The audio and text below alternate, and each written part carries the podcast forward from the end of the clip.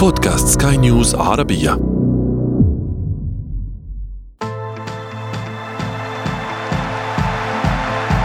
أثير الكرة.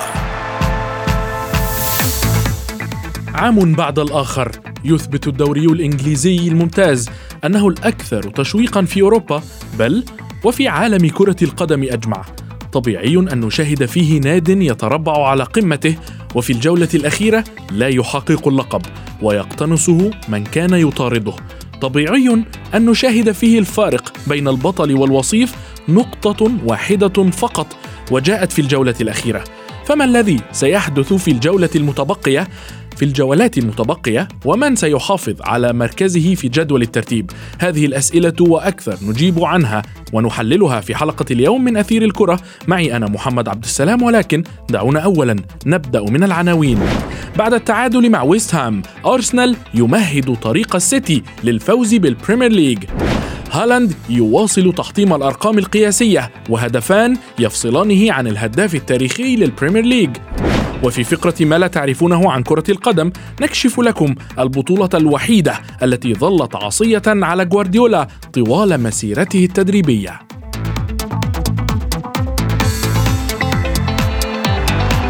أثير الكرة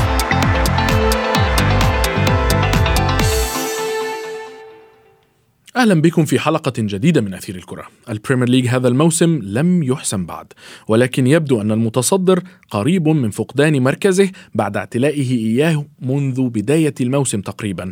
فهل يصمد أرسنال أم سيكون للسيتي رأي آخر؟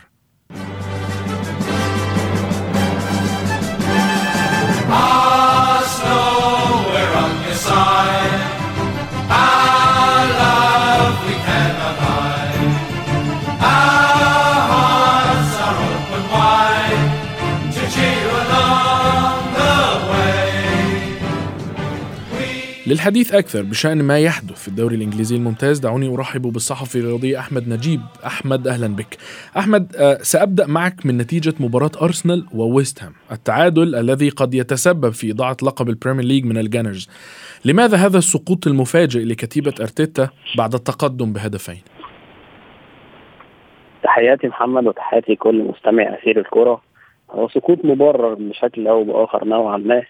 لأن كتيبة آه، ميكال أرتيتا ده أول موسم ليها بعد ثلاث مواسم من القيادة الفنية لميكال على رأس الجانرز بيبتدي ينافس فيها بشكل أو بآخر بشكل صريح يعني على لقب الدوري الإنجليزي الممتاز بداية سقوط الفيل من على الشجرة المصطلح الجماهير أطلقته على الجانرز آه 30 جولة استطاع أرسنال انه يبقى على القمة فيها لكن آه الضغط الشديد واللعب المرعب وكيفية تعامل السيتي مع مثل هذه المواقف أدى إلى أن ارسنال لم يستطع نوعا ما آه، التحكم في هذا التأثير العصبي يعني على أرضية الميدان من جانب لاعبيه الضغط الشديد اللي بيمثله السيتي من خلال الفوز والفوز واستمرار النتائج الكبيره الضغط على الجانرز من خلال الملاحقة المستمرة دي. برضه كتيبه ميكيل أرتيتا ما عندهاش لسه الخبرة الكافية في مثل هذه الأمور وإن كان يحسب لميكيل وشباب آه، أرسنال المواصلة إلى حد هذه اللحظة على قمة الدوري العام. لكن نتحدث إن أول مرة آه، من منذ فترة طويلة أرسنال يصل لهذا المستوى أو هذه النقطة إلى حد ما. أرسنال حظه سيء لأنه بينافس واحدة من أنضج نسخ سيتي جوارديولا. يعني بشوف دلوقتي كيفية توظيف جوارديولا لجون ستونز التحول والتطور الهجومي في أداء رودري التطور الكبير اللي بيشهده جاك جريليتش الأداء المخيف اللي بنلحظه من كل من ناثان أكي وأكانجي. فأرسنال نوعا ما بشكل أو بآخر ابتدى فقط أربع نقاط في آخر مباراتين أمام ويست ومن قبلها ليفربول. تعادلين. حتى آه، سيناريو التعادل لما بتيجي تشوفه أو تحلله من الناحية النفسية محمد الدقائق الأخيرة بيحدث فيها تعادل أمام ليفربول. الدقائق الأخيرة أمام ويست هام بشكل غريب آه، جدا أخطاء دفاعية بتديك إيحاء على الضغط العصبي اللي ملقى على عاتق اللاعبين. الضغط النفسي كيفية إن الكرة اللي بيحملها حاليا ليها ثمنها كل تمريرة كل تسديدة كل قرار بيتاخد على أرضية الميدان. ليه ثمنه وتكلفته. الضغط ده لم يتم ممارسته من قبل على كتيبة ميكيل أرتيتا وهو متمرس فيه جدا. بيب جوارديولا والكتيبة بتاعته بيعرف كيف يتعامل مع هذه المواقف وكيف يضغط آه، من هو أعلى منه في الترتيب العام. نعم أحمد آه، يعني آه، أنت تحدثت عن الضغط الذي على الأرسنال ولكن هل تعتقد أن هذا الضغط الذي على أرسنال نفس الضغط الذي على مانشستر سيتي؟ يعني مانشستر سيتي على جبهتين الآن. هو الدوري الأبطال والدوري الإنجليزي. وهو في دوري الأبطال قاب قوسين أو أدنى كما كما نعرف أنه قاب قوسين أو أدنى من التأهل إلى نصف النهائي. هل تعتقد فعلا أن التعادل مع تعادل أرسنال مع ويست هام خفف الضغط قليلا عن كتيبة جوارديولا؟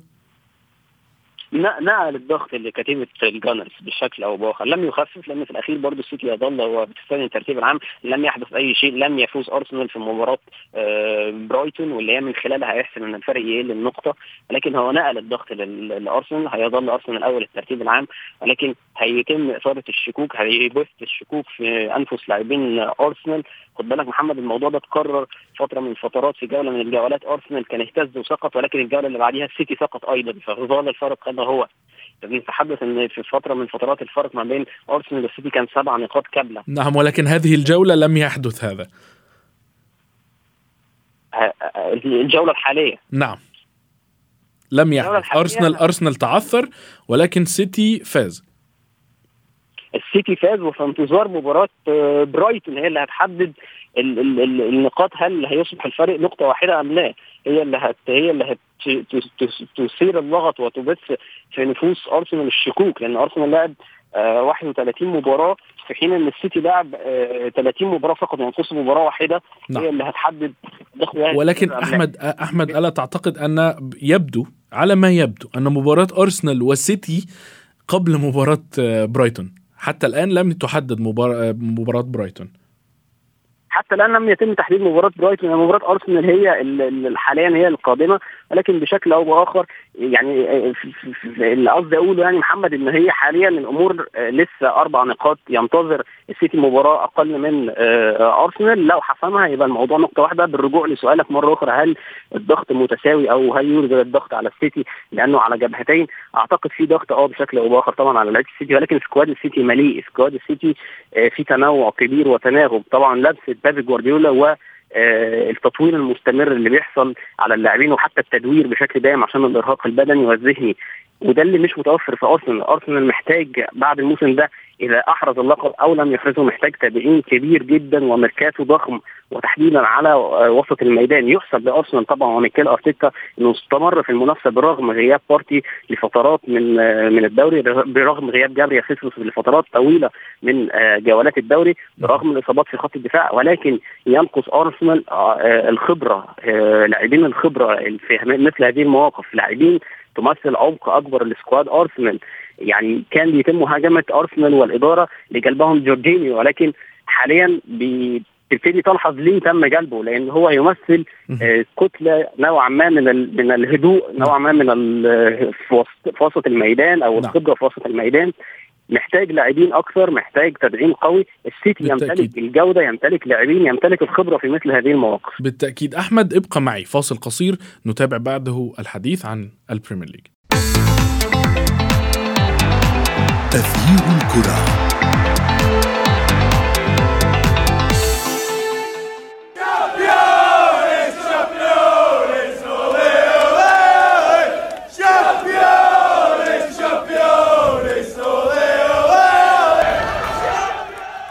استمعنا إلى احتفالات جماهير مانشستر سيتي الموسم الماضي بتتويجهم عند تتويجهم بلقب الدوري. ولكن دعوني أرحب وأجدد الترحيب بالصحفي الرياضي أحمد نجيب كما أرحب بالصحفي الرياضي الذي ينضم إلينا الآن يوسف الشاطر. مرحبا يوسف. يوسف في بداية حديثنا أنا وأحمد أحمد عفوا في نهاية الحديث أحمد تحدث عن خبرة لاعبي أرسنال.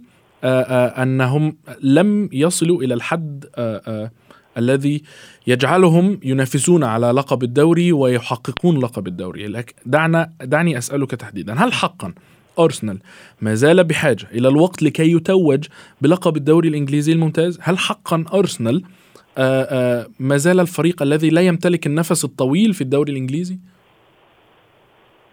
مرحبا محمد مرحبا بضيفك الكريم. بطبيعة الحال الكلام معقول جدا. أرسنال في فترة فترة انتقالية وربما حرق بعد المراحل السريعة رفقة ميكيل أرتيتا الذي استفاد كثيرا من معرفته بالبريمير ليج ومن مروره رفقة بيب غوارديولا الذي فاز بهذه المسابقة كثيرا. ومانشستر سيتي فريق يعلمك أشياء كثيرة في المنافسة على البريمير ليج في السنوات الأخيرة. أرسنال استفاد من بعض العناصر الشابة التي نجحت سريعا في التأقلم وفي آه، آه، صناعة الفارق على المستوى الهجومي خاصة عندما نتحدث عن بوكايو ساكا وعن آه، مارتينيلي. لكن هناك نقص شيئا ما في الخبرة خاصة على المستوى الدفاعي وعلى المستوى النفسي. وشاهدنا كيف انهار زيتشينكو في مباراة ليفربول عندما أحس بأنه سبب ربما في هدف في هدف ليفربول وأنه أخطأ. بطبيعة الحال هذه أشياء لا تشترى. يجب آه، الوقت من أجل التعلم واختمار هذا النوع من الخبرة الذي لا يأتي بين عشية وضحاها. نتذكر آخر لقب لأرسنال في البريمير ليج يعود إلى عام 2004 إلى أيام ارسين فينجر إلى أيام تيري هذه الأسماء كلها جديدة. كلها ربما تعيش هذا الإحساس إحساس المنافسة على اللقب للمرة الأولى. بالتالي شيء طبيعي أن يسقط أرسنال في بعض الأخطاء الفردية في بعض الأخطاء ربما الجماعية عدم التركيز في آخر عشر دقائق من الشوط الأول الدقائق الأولى في الشوط الثاني. عدم ربما الدخول في المباراة يتطلب وقت من الفريق. آه، هل العناصر في خط الوسط جاهزة لحمل الفريق عندما يتطلب الأمر ذلك خاصة على المستوى الدفاعي ومساعدة الأظهرة وقلبي الدفاع؟ آه، أشياء كثيرة ربما يجب أو يحتاج أرسنال إلى بعض الوقت من أجل أن يصبح فريق قوي. على نفس القدر الذي نتابعه لمانشستر سيتي الذي آه، منذ تقريبا تقريبا أشهر الآن وهو يراكم الانتصارات في الدوري ويفوز في دوري الأبطال الفوز على بايرن ميونخ نقلة نوعية ليس فقط على المستوى الرياضي لكن أيضا على المستوى النفسي لأنه يؤثر على آه، عقل لاعبي السيتي بعد تصريحات جوارديولا المثيرة أن الفريق لا يملك شغف إلى فريق إذا فاز في كل مبارياته في البريمير ليج سيفوز بالدوري وحتى إذا إذا تابعنا آه، محمد الرزنامة نعم. الخاصة بمانشستر سيتي تبدو سهلة آه، آه، سيرحل أو سيواجه تشيلسي على أرضه سيلعب أمام ويست هام على أرضه وأمام أرسنال في ملعب الاتحاد أيضا على أرسنال نعم. يجب أن يتنقل لمواجهة فرق صعبة هنا هنا تحديدا كنت سأسألك يوسف يعني أرسنال أعتقد أنه مطالب بعدم إضاعة أي نقطة في مباراته. مبارياته السبعة المتبقية اللي من... التي من ضمنها سيتي تشيلسي نيوكاسل وبرايتون ديزيربي ما هي توقعاتك لهذه المباريات؟ هل تعتقد أن أرسنال سيستطيع أن يصمد خلال هذه المباريات ولا يضيع أي نقطة؟ وما بالك بمباراة السيتي؟ محمد أظن أمر صعب جدا على أرسنال أن يتجاوز آه، آه، آه، رحلات وتنقلات صعبة جدا خاصة إلى ملعب الاتحاد أمام مانشستر سيتي. المباراة ستكون حاسمة جدا في السادس والعشرين من, أبريل. مباراة يجب على أرسنال على الأقل أن لا يخسر فيها. ثم تنقل صعب إلى نيوكاسل لمواجهة نيوكاسل يونايتد. مباراة صعبة جدا. الفريق إيدي هاو يقدم موسم رائع جدا قد يتأهل إلى دوري الأبطال شاهدنا كيف يفوز بسهولة على الفرق الكبيرة. ثم مواجهة برايتون مع مدرب كالإيطالي ديزيربي الذي آه، آه، ربما هو الأفضل لهذا الموسم في ال Premier League يقدم كرة قدم جميلة آه، جدا. يبدو لي أن الأمر صعب جدا ربما أرتيتا رفع السقف كثيرا في في هذا الموسم. منافسة السيتي على لقب ال Premier League ليس أمر سهل. ونحن تابعنا كيف استنفذت طاقة ليفربول في آخر سنتين لأنه لم يستطع مقاومة قوة مانشستر سيتي في ال Premier League. لذلك أرشح مانشستر سيتي للحفاظ على اللقب آه، ليس فقط لقوته لكن أيضا الرزنامة تساعده على ذلك. نعم. نعم أحمد هل تتفق مع يوسف فيما قاله بشأن آه، ترشيح السيتي للحفاظ على اللقب هذا الموسم؟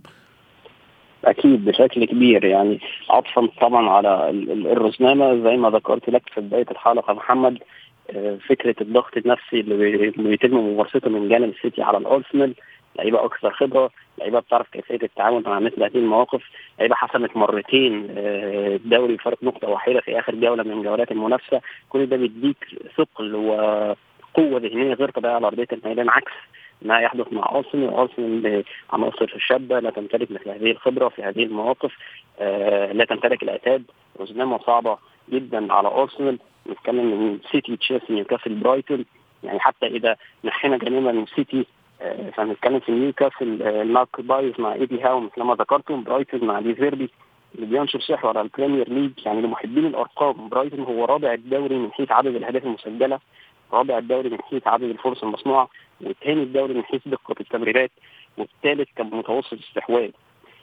ممكن آه نلجا لتصريح جوارديولا اللي صرح وقال برايتون هو أفضل فريق في العالم يتقن عملية البناء. جوارديولا لن يبدي النفاق أو المجاملة الزائفة آه في في في تصريحه للفريق برايتون. فأعتقد هي رزنامة صعبة جدا على أرسنال العكس نوعا ما أو بشكل أو بآخر لو جيت قارنتها بمباريات السيتي. اللهم يعني ماتش برايتون وارسنال طبعا اللي هي مواجهه ال head to head اللي هتحسم بشكل كبير إلى اين سيتجه كأس ال Premier League ومباراة تشيلسي. الباقي نوعا ما بشكل أو بآخر يعني كفه السيتي ارجح بشكل كبير. يعني قد يكون إيفرتون خارج الديار لأنه بينافس على الهبوط. يعني قد يسبب بعض الإزعاج للسيتي ولكن بشكل كبير السيتي هو أقرب لحسم اللقب. نعم يوسف بما أننا تحدثنا عن ديزيربي وإيدي هاو لكن ديزيربي تحديدا مدرب برايتون لماذا لم تراهن عليه الأندية الكبيرة عندما كانت تبحث عن مدرب مثل توتنهام وتشيلسي مثلا؟ محمد هذا أمر ربما يعود إلى ما يعرف بالسكاوتينج لدى الأندية التي يجب أن توسع الآفاق والبحث عن مدربين في في ربما العالم والبحث عن آفاق أخرى لأن في إنجلترا الكل يبحث عن المدربين الذين مارسوا أو دربوا في إنجلترا ويمتلكون ثقافة الدوري الإنجليزي.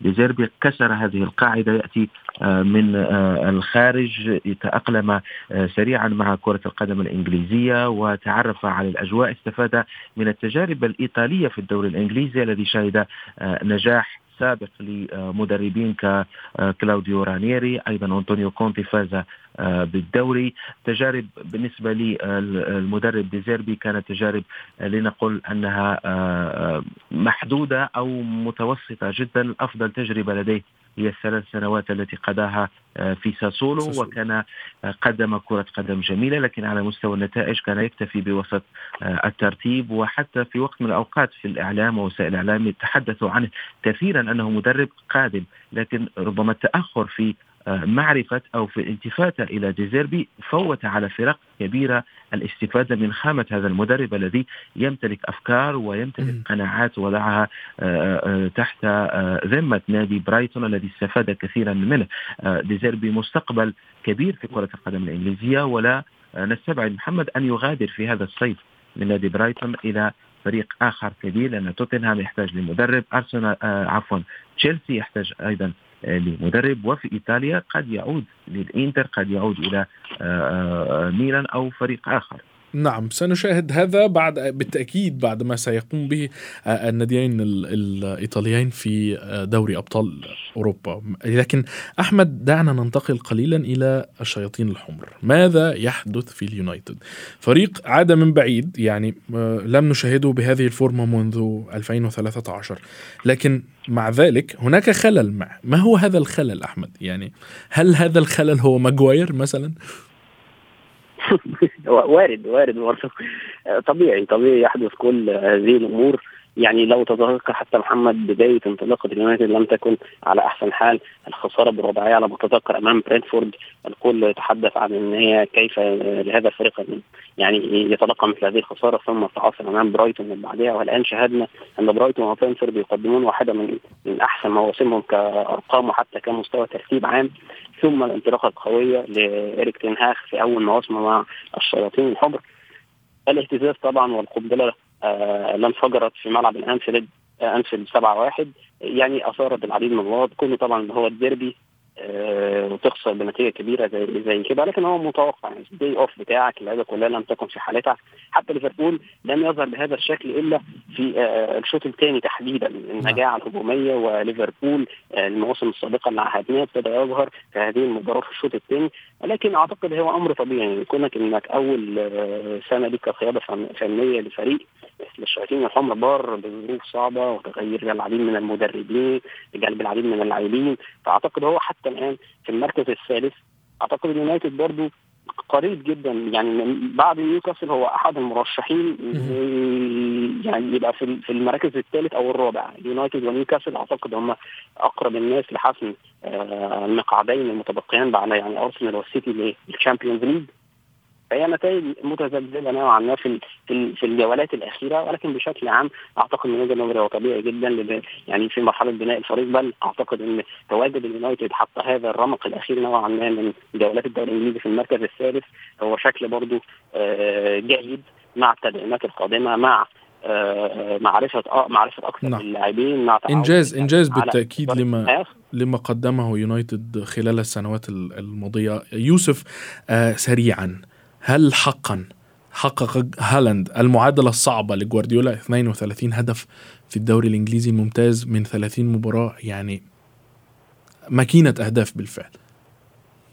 طبعا أرقام آه، خرافية محمد لهالاند هذا الموسم في في إنجلترا. اللاعب سجل آه، كثيرا لدرجة ربما أن آه، جوارديولا لن يطلب منه أشياء أخرى في نهاية هذا الموسم باستثناء مساعدة إذا وصل النادي إلى نهائي دوري الأبطال حتى الآن اللاعب يقدم أشياء كثيرة جيدة للفريق. في البداية انتقد كثيرا لعدم مشاركته في اللعب. حسبوا لها ربما عدد اللمسات التي يلمسها أثناء المباراة. لا يشارك في البناء.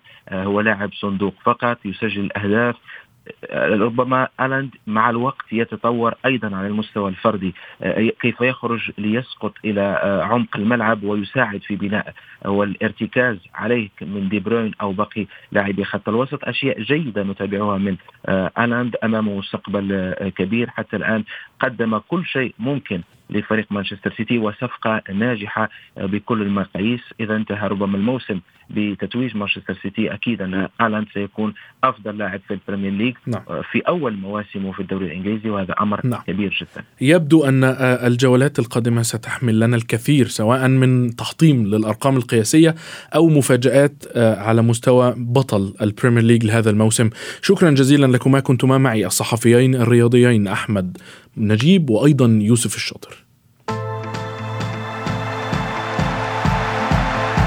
أثير الكرة.